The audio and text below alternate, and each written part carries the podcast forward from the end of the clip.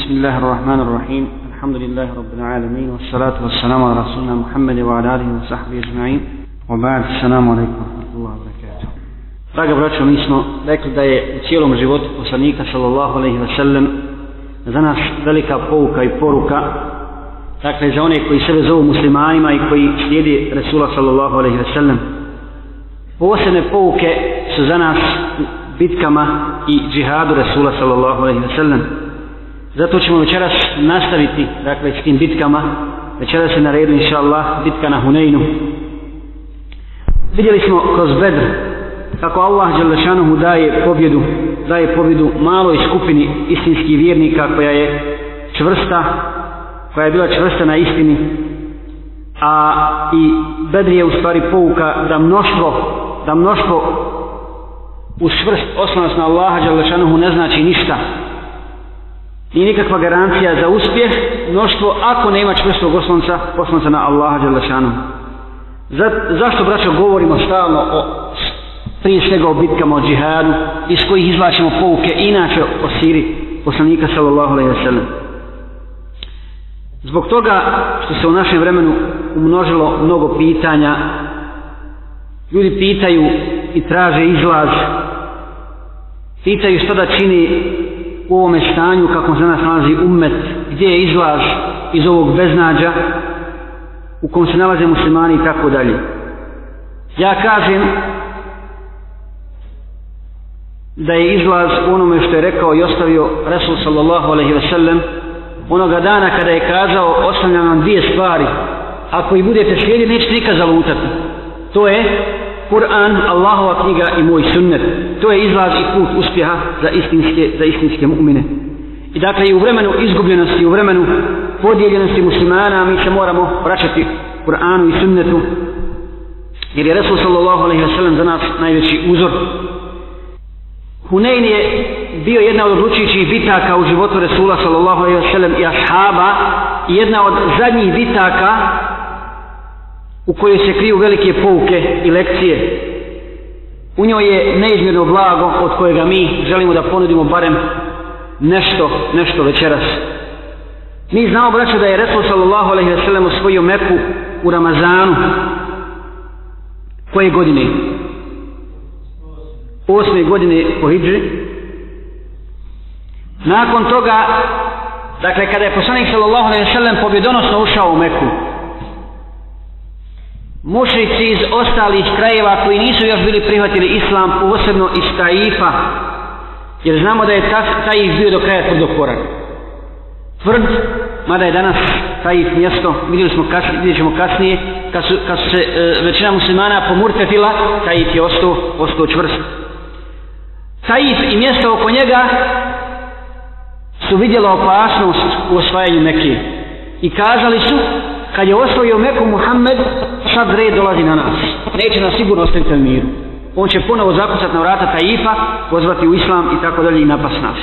Pa je njihov vođa Malik ibn Auf odlučio i kazao, kad je već tako, onda je bolje da mi, njega, da mi njega napadnemo i da mi napadnemo muslimane, da idemo dakle na Meku, nego da oni, da čekamo da oni nas, da oni nas napadnu. Kada je Resul sallallahu alaihi ve sellem čuo dakle, da se oni pripremaju, da se oni i okupio ovaj plemena e, Hevazin, Sekif, Benu Malik i tako dalje, ovaj Malik ibn Auf, okupio je ta mušička plemena u borbi protiv, protiv poslanika sallallahu alaihi sallam, bilo je imali su velik broj vojnika, bilo je oko 20.000 20.000 Zaj, poveo je sve, i žene, i djecu, i tako da. Vidjet ćemo kasnije kako je to protumačio poslanik sallallahu alaihi wa sallam. Jesi. Nakon toga, A Resul sallallahu alaihi ve sellem izlazi sa ashabima iz Mekke šestog ševala osme hidreske godine da se sukobi na Huneynu sa, sa mušricima.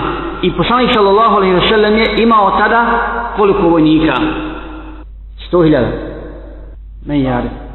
Dvanest hiljada, dvanest hiljada vojnika, deset, deset iz Medine i dvije hiljede od onih koji su kulaka, od onih koji je poslanik sallallahu alaihi sallam oslobodio i koji su tek taze primili islam. Kad su neki muslimani vidjeli ovaj broj, 12.000 ljudi, do juče se morali krit, bježat, sad muslimani uznapredovali, osvojili Meku, 12.000 naoružanih, naoružanih vojnika, rekli su, danas nećemo biti poraženi zbog malobrojnosti. Danas ne zapamtite ove riječi. Danas nećemo biti poraženi zato što nas je malo. Jer svaki put su patili od toga. Kad god krenu u borbu pa vidi koliko ima, a malo. Ali Allah dao pobjedu. Međutim, sad je ima puno. I sad se desilo. Resul sallallahu alaihi sallam poslao izvidnice. Međutim, međutim, e, desilo se onako kako je rekao Malik ibn Auf, ovaj vođa mušrika, da će dočekati poslanika sada da će, da će iznenaditi i tako i bilo sačekali su ih na Huneinu kad je poslanik sa se naišao s vojskom, oni su žestoko navalili, bili su poznati strijelci, gađali su, gađali su muslimane i muslimani se razbižali. 12.000 onih koji su smatrali da su nepovjedivi, raspršili su se kopjena. Ostao je poslanik sallallahu alaihi wa sallam, ostao je poslanik sallallahu alaihi wa sallam samo sa nekoliko ashaba. Čak nije sišao ni sa svoje devetu. Nije sihran svoje deve, nego je govorio, ne ima laži, ja sam Allahov poslanik, ja sam Ibn Abdul Muttalib. Pa je dozivao ashave, dozivao ih i oni su polahko prisjeli jedan po jedan. A od onih koji su tek taze, koji su tek nanovo prihvatili islam, bilo je čak oni koji su pomurtili, odmah. Juči je primili islam, danas su sutra odmah napustili. I govorili su, neki od njih ovu skupinu koja bježi, ovu skupinu muslimana neće zaustaviti ništa osim more. Do mora se neće zaustaviti. Toliko su bježali. Toliko su bježali. A neki su opet rekli, danas će biti pobjeđen sihr. Gotovo je. Danas, dakle, sad je prilika da se... Jer nije nikad bila opasnija prilika za, za mušike da unište islam kao tada. Gdje živi? Nema nikoga. Ostao poslanik sallallahu alejhi ve sellem sam, u nekim predajama se stoji, o, stoji da je ostalo osam ashaba, nekima deset i tako dalje. Na kraju, kad se vratila, kad se, kad se vratila, o, kad se vratili ashabi, vratilo ih se stotinu. Stotinu. I ta stotina ashaba je, zajedno s poslanikom sallallahu alaihi ve sellem, izvojevala pobjedu protiv 20.000, protiv 20.000 mušrika. Dakle, većina je pobjegla. I nisu ni vratili. Ovi stotinu koji se vratilo, na čelu s poslanikom sa selem, borili se protiv, protiv mušika i pobjedili ih. Dakle, 12 jada muslimana je poražena. A stotinu čvrsti je pobjedilo 20, ovih 20, 20 mušika. Nakon toga sakupljen je ratni plijen, a mušici su pobjegli, mušici su pobjegli Resul sallallahu alaihi wasallam za njima poslao, poslao u potjeru vojsku na čelu sa Abu Amirom Ašarijem, brata od Musa Ašarije, i on se borio protiv njih dok nije poginuo, a onda je zasta uzeo njegov brat i on je konačno porazio, porazio mušrike. E, muslimani su tada zarobili veliki ratni plijen. To je bio najveći ratni plijen u, u, u životu, za života poslanika sallallahu alaihi wasallam. Zarobili su 24.000 deva, 40.000 ovaca, 4.000 zlatnika, 6.000 je bilo zarobljenika, žena i djeci. Dakle, to je bio najveći ratni plin kojeg je poslanik sallallahu alejhi ve sellem najprije podijelio kome? Najprije je podijelio ovim novima koji su tek primili, koji su tek primili islam, a zatim muhađirima, muhađirima, a ensarijama nije dao ništa. Ensarijama nije dao ništa. Dakle, to je prilike onako onaj tog bitke, tog bitke na Huneinu i sad želimo da izvučemo, izvučemo dakle pouke iz toga. Prva lekcija, brać, prva lekcija koju možemo naučiti iz ovoga, iz ove bitke jeste da Resul sallallahu alaihi ve sellem kada je napuštao Meku i kada je dobio vijest kada je dobio vijest da je Malik ibn Auf poveo sa sobom i djecu i žene i stoku i tako dalje kada je dobio vijest o tome rekao je tilke l'ganimetul muslimina gadan inša Allah. To je da ne ima muslimana sutra inša Allah. To će biti naš ratni plin sutra. Šta je pouka iz ovoga? Onaj optimizam o kojem smo govorili. Poslanik sallallahu alejhi ve sellem uvijek optimista u svakoj situaciji. Evo ga vidimo ovdje u najtežem trenutku. Čuo je da se iskupila sva plemena, kreću na Meku i situacija je zaista ozbiljna. A on kaže tvoje sutra ratni plin inša Allah.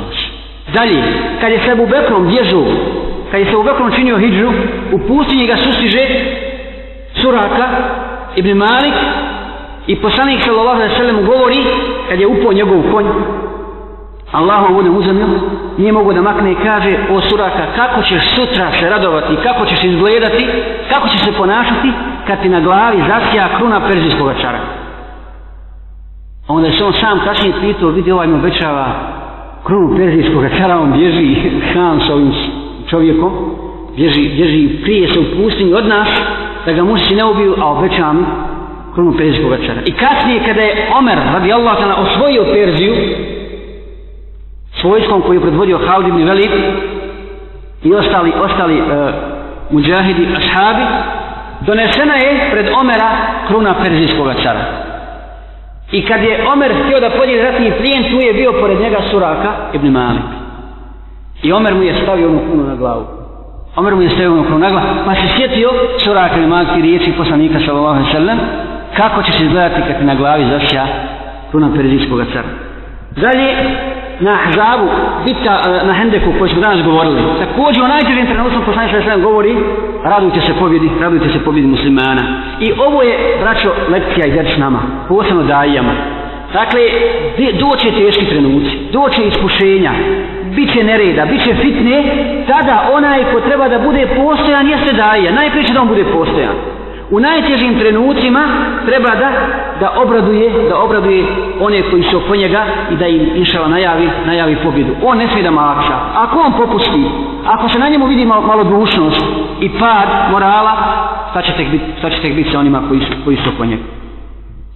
To je prvi ders koje smo želi spomenuti večeras. Druga stvar, jedan od najvećih dersova jeste da je Allah Đelešanohu kaže u suri Tauba وَيَوْمَ حُنَيْنٍ إِذْ أَعْجَبَتْكُمْ كَثْرَتُكُمْ فَلَمْ تُغْنِ عَنْكُمْ شَيْئًا وَضَاقَتْ عَلَيْكُمُ الْأَرْضُ بِمَا رَحُبَتْ ثُمَّ وَلَّيْتُمْ مُدْبِرِينَ Kaj i na dan Hunejna, kada ste se bili zanjeli vašom brojnošću, kada su se bili zanijeli vašom brojnošću, pa vam ništa nije koristila i zemlja vam je postala tjesna, makoliko bila prostrana. I dali ste se u gdje. Pobjegli ste. Rekli su, dakle, neki ashabi danas nećemo izgubiti zbog malobrojnosti. I toliko su bili samo, samo uvjereni da su neki mladići čak izišli bez oružja na Hunej. Nisu ništa sa sobom ponijeli. Doli otićemo gore pokupiti ratni pini vratiće. Nema ništa. Nema borbe. Nema borbe. I šta se desilo? Razbježali su se, pobjegli su i to bezglavo su bježali, bez, bez, bezglavo su bježali, tako da su e, mnogi od njih pomislili da dakle oni novi da, da se neće vratiti, da, da je to konečni poraz. E, dakle, Allah Đelešanu ovdje upozorava da to mnoštvo na vagi šerijata, ako nema osnovca na Allaha Đelešanu i ako to mnoštvo nije okupljeno oko tevhida, oko la ilaha illa, da ono ne znači, ne znači ništa. Zato se mi, braćo, ne smijemo obmanjivati mnoštvo. Često puta kod nas se pojavi takva ideja. Mi pozivamo u galu. Nije bitno, nije bitno kojoj organizaciji pripadamo. Pripadamo, e, ja, vi ste primijetili da ja često puta, kad go, na, posebno ovdje, a zbog braće koja su iz drugih organizacija, e, spominjem organizacije i zema. Za mene to nije isto. Za mene to nije isto. Mi smo jedan džemal.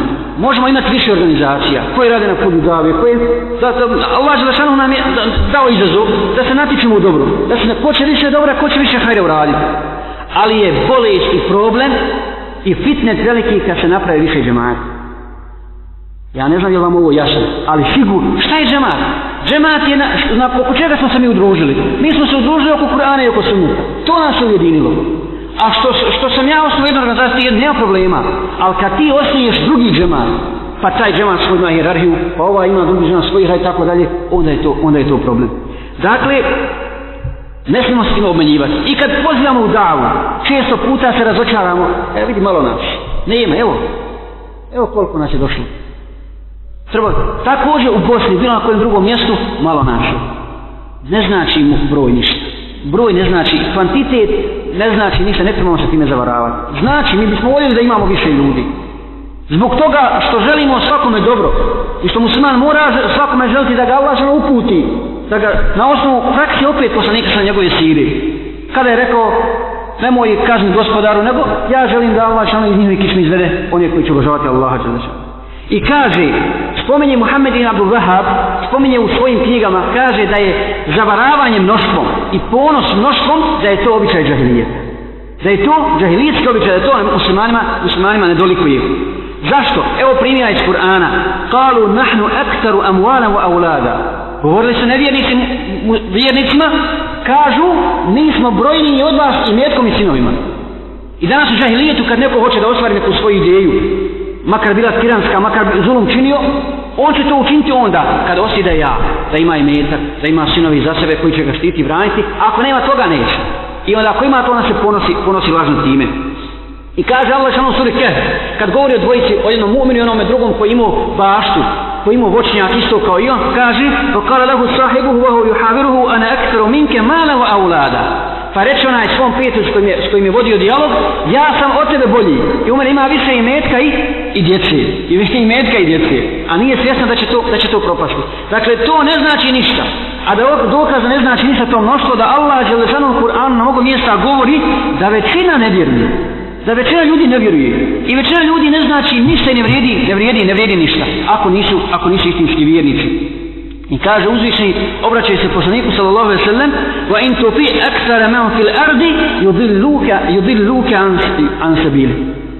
I kada bi se ti pokoravao većinu onih koji su na zemlji, oni bi te u zabudu odvelo. Kad bi se ima, kad bi se većini pokoravao. A što se tiče mu'mina, oni su uvijek bili manjina. Oni su uvijek bili manjina. Kaže Allah dželle šanu ve kalila min ma kalilu min ibadi yashkur. A malo je mojih zahvalnih robova. I kaže uzvišeni kem min fiyatin qalilatin galabat fiyatin kathiratan bi iznima koliko su puta malobrojne skupine, skupine porađile mnogobrojne. Dakle, mi se radujemo tim ljudima, novim koji dođu, koji, koji prime islam, ali ne, ne obmanjujemo se tom brojnošću. Bitan je kvalitet. Kvalitet pobjeđuje. Kvalitet pobjeđuje, a nije, nije kvantitet. Resul sallallahu alaihi wa sallam je rekao jednom hadisu, dobro, ako je to tako, kaže poslanik sallallahu alaihi hadisu da 12.000 ljudi je nepobjedivo. Kako to sad spojiti s onim što se na Huneidu? 12.000 ljudi se ne može poraziti. Nepobjedivo, jes. Dakle, neće, neće izgubiti 12.000 muđahina zbog malobrojnosti. Saj hadis, dakle, bilježe Ahmed Abu Dawud, e, Dari mi, tako da. Od Ibn Abbas. Dakle, spajamo to na taj način što ima u drugim predajama, stoji, dakle, nastavak nakon sabura. Dakle, ako budu sabrali, neće, neće biti pobjedni. Dakle, bit će oni pobjednici. A u trećoj predaji kod Vakidija stoji nakon okupljanja oko jedne riječi. 12.000 je pobjedivo ako se okupe oko jedne riječi. Ako među njima bude različitih ideja i različitih mišljenja, neće, neće uspjeti. Neće, makar je bilo i 12.000, a ovo bilo na Hunenu s poslanikom, sallallahu alaihi wa sallam. S poslanikom tih 12.000, ali gubi ali gubi. Ali sto ljudi koji se okupili oko poslanika pobjeđuje, pobjeđuju muši. Treća stvar i treći ders koji treba da će da se da spomenu da naučimo jeste kad su ashabi izišli iz Mekije. E, vidjeli su stablo, vidjeli su stablo braća na koje su mušrici vješali svoje oružje. Izvali su ga Zatul Anwar. Dakle, to je bilo za njih sveto drvo. Pa su rekli, pa su rekli neki od muslimana, poslaniku sallallahu alaihi ve sellem, daj i ti nama odredi ili od, napravi nam, odredi neko drvo koje će biti zlatul anvat kao što oni imaju kao što oni imaju pa je poslanik sa sada tada rekao Allahu akbar znači mi reći isto ono kao što su rekli židovi Musa alaihi salamu kao što iđa'al lana ilahan kema, kema lahum aliha napravi ti nama bogove kao što oni imaju svoje kao što oni imaju bogove pogledaj šta, šta ovo znači Kažu učenjaci islamski, od uzroka poraza i od, jedan od najvećih uzroka poraza jeste prisutnost onih u borbi koji su slabi akidi. Čija akida nije stabilna. Juče je primili islam, danas odmah pozivaju širu. A pobjedili, nisu vidjeli očiti dokaz. Nisu vidjeli očiti dokaz Allaha Đalešanohu. Dakle, i takvih, kad bilo ne znam koliko, oni ne mogu, oni ne mogu uspjeti. I to je samo uzrok poraza. Zato danas imamo odgovor na pitanje zašto muslimani stagniraju, zašto zaostaju, zašto nema pobjede, upravo zbog slabosti te akide. I ostvarilo se ono što je rekao poslanih sallallahu alaihi sallam, moći se umet podijeliti na 73 skupine. I mi sad kad raspravljamo, kad raspravljamo o mnogobrojnim džematima, o mnogobrojnim frkama koji su pojavili s vama, e što ne bi, što ne bi, ima je takvih pojedinaca koji navodno po fol pozivaju za jedinstvo muslimana. Ali oko čega? oko čega ne pođeva da se okupimo. Mi imamo Kur'an i sunnet. Ako ćemo se okupiti oko Kur'ana i sunneta, bojom, to, to je jasna stvar. Onaj ko neće, taj ne se nije u redu. Onda je to znatni par. Ali ako ti mene pozvali da se okupim s tobom oko nečeg drugog i kažeš da ja neću džemat ako neću, ako neću prijavati, da ja, da ja, nis, da ja napuštam džemat ako neću prijavati to što ti nudiš, to je onda to je druga, druga stvar. Dakle, zbog slabosti akide, zbog, slab, e, zbog nepoznavanja islamske akide i njenih temelja, muslimani se nas razbijaju i dijele, dijele po svim, po svim mogućim šavom. To je vrlo, vrlo bitna stvar, vrlo bitna stvar. I danas imate ljudi, onda se ne čudimo o toj slabosti, ima ljudi koji završe širijske fakultete i dođe i onda i svoje glave šeitan, šeitan mu objavljuje i pođe da, da, da, izmišlja, da izmišlja nekakve, nekakve gluposti. Završi fakultet. Dakle, nije to, nije to, pojenta nije u tome nego čvrst jekin ono što je s čime došao Allahu poslanik sallallahu alejhi ve sellem dakle s kitabom i sa, sa sunnetom i to se dakle daleko bilo i gluho bilo da su bili ashabi koji odgovaraju poslanik sallallahu dakle to su bili novi oni koji su tek primili islam kao poslanik je rekao šta mislite sad što vas vrata i osvojim neku rekli su dobro jer ti si ti si si najbolji ti si naš tako tako e kaj vi ste en, neću vam ništa idite slobodni ste entum tulaka. Vi ste slobodni. E od tih ljudi, iz tih skupina je bilo oni koji su kazali napravi nam zatvor e, i odredi nam drvo koje ćemo, na koje ćemo mi, koje će biti sveto drvo za nas, na koje ćemo mi stavljati naše, naše oruđe. Dalje, sljedeći drs jeste izlaženje u bitku prije vremena. Izlaženje u bitku prije vremena i požurivanje, požurivanje od strane određene skupine. Buhari bilježi od Barajebni Ađiba da mu je rekao jedan čovjek, o Ebu Amare, Je li istina da se pobjegla na dan Huneyna? Je li istina da se pobjegla na dan Huneyna kad su vas potirali mušići? Kaže, ne vallahi, nije pobjegao Rasul sallallahu alaihi wa sallam. Nije pobjegao Rasul sallallahu alaihi wa sallam, već oni koji su požurivali bitku, pa ih je dočekao, pa ih je dočekao neprijatelj dočekali, dočekali su ovo iz plemena Hevažin i gađali ih strelicama i razbili, razbili ih potno. Dakle, to su oni slabići i mnogi, mnogi od njih rekli smo su krenuli bez, bez naoružanja. I ovo je velika lekcija. Istrčavanje za nas. Istrčavanje prije naredbe od strane poslanika sa vaselima. Mi se samo hajmo, idemo. Prije, prije naredbe e, i dogovora šure i tako, i tako dalje ovi dječaci i mladići su krenuli samo radi ratnog plena, misleći da su 100% pobjednici. Dakle, njih je zaboro taj Hamas koji nas često puta zavarava. Če pa onda pravimo isitrene poteze. Na početku kad insan prihvati akidu, kad prihvati vjeru, vidi da je to lijepo, nema šta. Međutim, često puta taj Hamas ne da da razum, da razum postavi stvari, na, da se raz, razumno stvari postave i ne, ne dozvoljava ulogu razumu koju je Islam, koji je Islam odredio. Islam prihvata u atiku, to je, taj, ta osjećanja, ta osjećanja koja, koja postoji u srcu svakog, u svakog čovjeka. Međutim, islam ne da da se, da se, da se onaj, e, da iziđu iz te kolotečne šarijete. Mora i razum, mora i razum kontrolisati. Dalje, ovo bježanje oni koji su te prihvatili islam, govori nam o jednoj stvari, a to je nedostatak odgoja. Nedostatak odgoja kod njih. Zato, braćo, ja stavljam naglasak na jednu stvar, da mi moramo posvetiti veliku pažnju odgoju. Očita je činjenica da kod nas fali islamskog odgoja. Zato brzo dolazi među nama do nesporazuma. Nema islamskog hlata, nema osjećaja kad uvidiš brata, nema postavljanje stvari na njihova mjesta. Da se još uvijek se kod nas ne zna u dobroj mjeri ko je stariji, ko je mlađi, ko je učeniji, ko nije učeniji. Ne zbog toga što to neko traži, nego to se primijeti. Kad neko dođe u džemat i kad mu ti važiš i pričaš lijepe slatke riječi, kako nisu, kad nisu to tvoje riječi, ti citiraš mu ajati hadisu poslanika sa sredem. To odgovara svakoj duši. Ali kad vidi naše ponašanje, nešto nije u redu. Ne može. Nije, nije, nije, stvar, nije stvar u redu. Dakle, odgoj je vrlo bitan. Zato, zato nisu pobjegli oni koji odgajaju poslanik sallallahu alaihi sallam koje odgajaju u Mekki, pa onda u Medini, za njih nema problema. Ne samo da neće pomoći iz bitke, nego i kad su se svi pomortili, kad su svi napustili, neće oni, vidjet ćemo kasnije na, na, u bitci na Tebuku.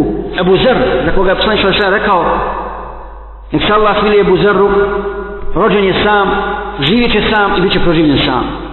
Ako ne može, ako, ako sad je u fitni, takav vjernik koji je ga odgojio poslanič Lešaja, koji je dobro odgojio islamsko, on će otići bilo gdje u pustinju, ali će ostati prši. Osa, osjeća tvrdo, dakle, neće izdat nikad, nikad te principe. Dakle, ovdje se desilo isto, isto što je na, i na Uhudu. Kad su po, poletjeli muslimani za ratnim plijenom, onda su i ovi gađali, gađali strelicama. A tako su i ovi potrećali, potrećali za ratnim plijenom bez naoružanja i istrećali su u bitku prije vremena. Dalje, Malik ibn Auf, rekli smo da je poveo sa sobom sve, sve što je imao. Međutim, između ostalog, poveo je sa sobom čovjeka koji je imao 160 godina. 160 godina zvao se Durejn. I taj slijepi čovjek, na gluh bio, i slijep i gluh, ali jako iskusan, i borač, i pametan čovjek bio, poznat kod, poznat kod njih. Dakle, nije od takvim on koristi nije bio na, na izgled. Međutim, pogledajte kako, kako vodi njega, vodi njegov i traži njegovo mišljenje traži njegovo mišljenje. Kad su muslimani se okupili, kad su, kad su, krenuli, kad su krenuli u borbu, ovaj, i kad su njihovi krenuli također na Hunej, on je čuo plać djeci. Čuo je plać djeci. I veliku risku i pitao je, šta je ovo? E, dovedite mi, kaže, to je naš emir, Malik im je auf odredio da idemo sa njim sve i djeca i žene i tako dalje, iz stoka, da sve povedemo. Kaže, dovedite mi tog ludaka, I kad je došao pred njega, kaže mu, šta si to uradio? Zbog čega si to uradio? Kaže, zbog toga, zbog toga kaj što, što želim da danas porazimo Muhammeda, da se oni od nas prepadnu, da se od nas prepadnu i da svi zajedno učestvujemo u pobjedi, da se svi zajedno veselimo u pobjedi. Kaže mu ovaj, nisam vidio gore čuvara koji izdaje svoje skade od tebe. Kaj zbog čega? kaže, ako, evo zbog čega, ako budete poraženi, ako budete poraženi, to je dupli porac. Uzet će ti i stave, i žene ti zarobiti, i djecu, i sve ostalo. Dakle, neće ubiti samo vojnike, nego će ti sve uzeti kao ratnike.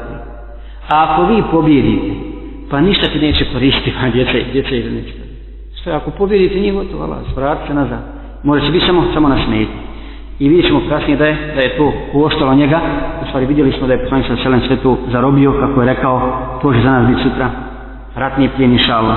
I mi se moramo koristiti, braćo, od ovoga, dakle da koristimo znanje, pamet naših iskusnih ljudi. Ne smijemo zapostaviti nikoga. Moramo dati, dati ulogu svakom čovjeku i dati mu ono mjesto koje mu pripada. Zašto je sposoban angažovati ga, nikog ne pocenjivati. Wallahi, nikog ne pocenjivati. Nevjernici, pogledaj kako nevjernici čini. Poslanik sa selem je znao izvući pouku iz ovog. I, musli, i, pr, I prvi muslimani. Mi danas ne. Ako sam ja na jednom određenom mjestu, ja raspoređujem kako hoću. Pa makar bilo hilni, zbog toga propadaju, ne, ne samo generacije, zbog toga imperije propadaju zbog tih stvari. Dakle, musliman mora dati koga danas kako zapadnjaci koriste svoje najstarije generale, najiskusnije političare, kad hoće da donesu neka rješenja, onda njih pitaju, pitaju i savjetuju se, savjetuju se s takvima. Dakle, ovo isto tako e, po meni je bilo vrlo važno da se, da se, da se spomeni i da se zapamti. Sljedeća stvar jeste, braćo, da je od najvećih uzroka pobjede muslimana jeste postojanost poslanika, sallallahu alaihi ve sellem, čak na ovom trenutku kada je ostao sam, nije se, nije se pokolebao. Dakle, e, ovdje ponovo spominjem ders, ders za dajije, koji, koji moraju biti postojani, ne smije se pokolebati, ne smije se kod nas desiti, desiti e, takva stvar da ako dođemo do isku, na iskušenje, da danas imamo jedno mišljenje, sutra drugu. Svaki dan mijenjamo mišljenje zbog nekakvih iskušenja, pa se bira, bira, bira nekakva, traži se nekakav izlaz, jelako se tamo gdje je nema, gdje Allah što nije odredio i tako dalje. Sve s ciljem navodno da bi, da bi ostali i da bi, da bi opstali. Poslanik sallallahu alaihi wa sallam čvrsti postojan i on najbolji uzor ashabima i tako je i njih odgojio i oni su nas, oni su nas tako naučili. Dalje, e, spomenuli smo malo prije odgoj. Osmi ders iz ovoga jeste ahlak i sabr Rasula sallallahu alaihi wa sallam. Ljudi su dakle pobjegli. Pogledajte kako se ponaša poslanik sa u tom trenutku. Ljudi su pobjegli. Tek su primili islam. A kad se dijelio ratni plijen, ko je prvi došao da uzme ratni plijen? Oni pobjegli se, koji su, koji su prvi pobjegli, koji su zadnji primili islam. Prvi pobjegli, a prvi došli kad se dijelio ratni plijen. Šta im je rekao poslanik sallallahu alaihi wa sallam? Je li rekao, ježite, vi ste ti koji se prvi pobjegli, vi ste ti koji se ostali ashabe na, na ušpali da, da, da, po, da pobjegnu. Ne, ne, ne, ne, ne. Nego i, nego im daje, daje prvo njima ratni plijen i daje im najviše. Mada je u toj skupini bilo munafika. Bilo je čak oni koji su rekli kad, kad su dobili ratni plijen, iako su prvi dobili ratni plijen, s ovim se ne želi ništa drugo, s ovim se ne želi Allahovo lice. Ili ovo nije pravedna podjela i tako dalje. Dakle, i, i, to, i u tom trenutku, prilikom podjele ratnog plijena, dobili su poslanika sa šredno iskušenje. Pogledajte šta kaže Safan ibn Umeije. Šta kaže Safan ibn Umeije? Kaže, on je tek bio primio islam, prilikom osvajanja Mekke. Kaže, nije bilo čovjeka, nije bilo čovjeka koji ga sam ja više mržio od Muhammeda. A taj dan na Huneinu, toliko mi je dalo, odnosno svima nama, koji smo tek primili islam, jer puno se ratnog plijena zarobili, jako puno davao pa pita jel dosta ja kažem dosta je on opet daje dosta je on opet daje tako da mi posle toga nije niko bio draži, draži od Muhammeda dakle pokazao je, pokazao je kako treba da se ponaša poslanik sa sa sahabima odnosno sa svojim, sa svojim sredbenicima poslije toga braćo šta se desilo kad je poslanik sallallahu alejhi ve sellem podijelio ratni plijen kad je podijelio ratni plijen Koga je izostavio? Izostavio Ensari. Njima ništa nije dao. I šta se desilo? Ensarije su osjetili nešto u dušama. Osjetili su nešto u svojim prsima. I došao je sad i bade i kaže poslaniku, ja Rasulallah, ti si podijelio ratni plijen ovima i ovima, dakle i onim novim i muhađima koji su to mislili. Dakle, sve mekelije, preko Kureiši ili ostala plemena i neki. Onima iz Medine ništa. Kaže, Ensarije nešto osjećaju u svojim prsima. A pogledajte šta pita poslanik sa Sa'ad ibn Zaid. A kare, a gdje si ti sebe našao? Gdje si svoje srce našao? Jesi li ti s njima? Kaže, jesam. Dakle, poslanik sa Selem pogađa, dakle, on prenosi ono što oni misle, a kaj, jesu ti s njima? Je li ti tako osjećaš? Neće da slavi, jesam. I ja tako, kaj, e, okup mi je šari. Okup mi je šari. Pa kad su se okupili, Resul sallallahu alejhi ve sellem je počeo držati govori, kaže: "Šta je to ensarije? Šta ja to čujem od vas?" Pa im je govorio, zar niste bili u zabudi, pa vas je Allah uputio, zar niste bili međusobno zavađeni, pa vas je Allah izmirio, pa vas je zvratim i tako dalje, kaj hoću, hoću od vas da čujem. Šta je to? Što osjećate u vašim prsima? Hoćete im odgovoriti? Kaže, nemam ti šta odgovoriti, ja Rasulallah. Nemam ti šta, nemam ti šta odgovoriti. Kaže, vallahi da ste iskreni. Da ste iskreni rekli bi, bio si odbačen, mi smo te prihvatili. Bio si, bio si proganjan, mi smo ti dali utočište. Bio si siromašan, mi smo ti dali bogatstvo. Bio i tako dalje. Kaže, i da, kad ste svi odbačeni, mi smo ti pomogli i tako dalje, i tako dalje. Kaže, zar vam je krivo? I zar vam je žao, zar vam je teško? Kad sam ja Dunjaluk podijelio ovim novim, ovim novim muslimanima, a vas ostavio s vašim islamom.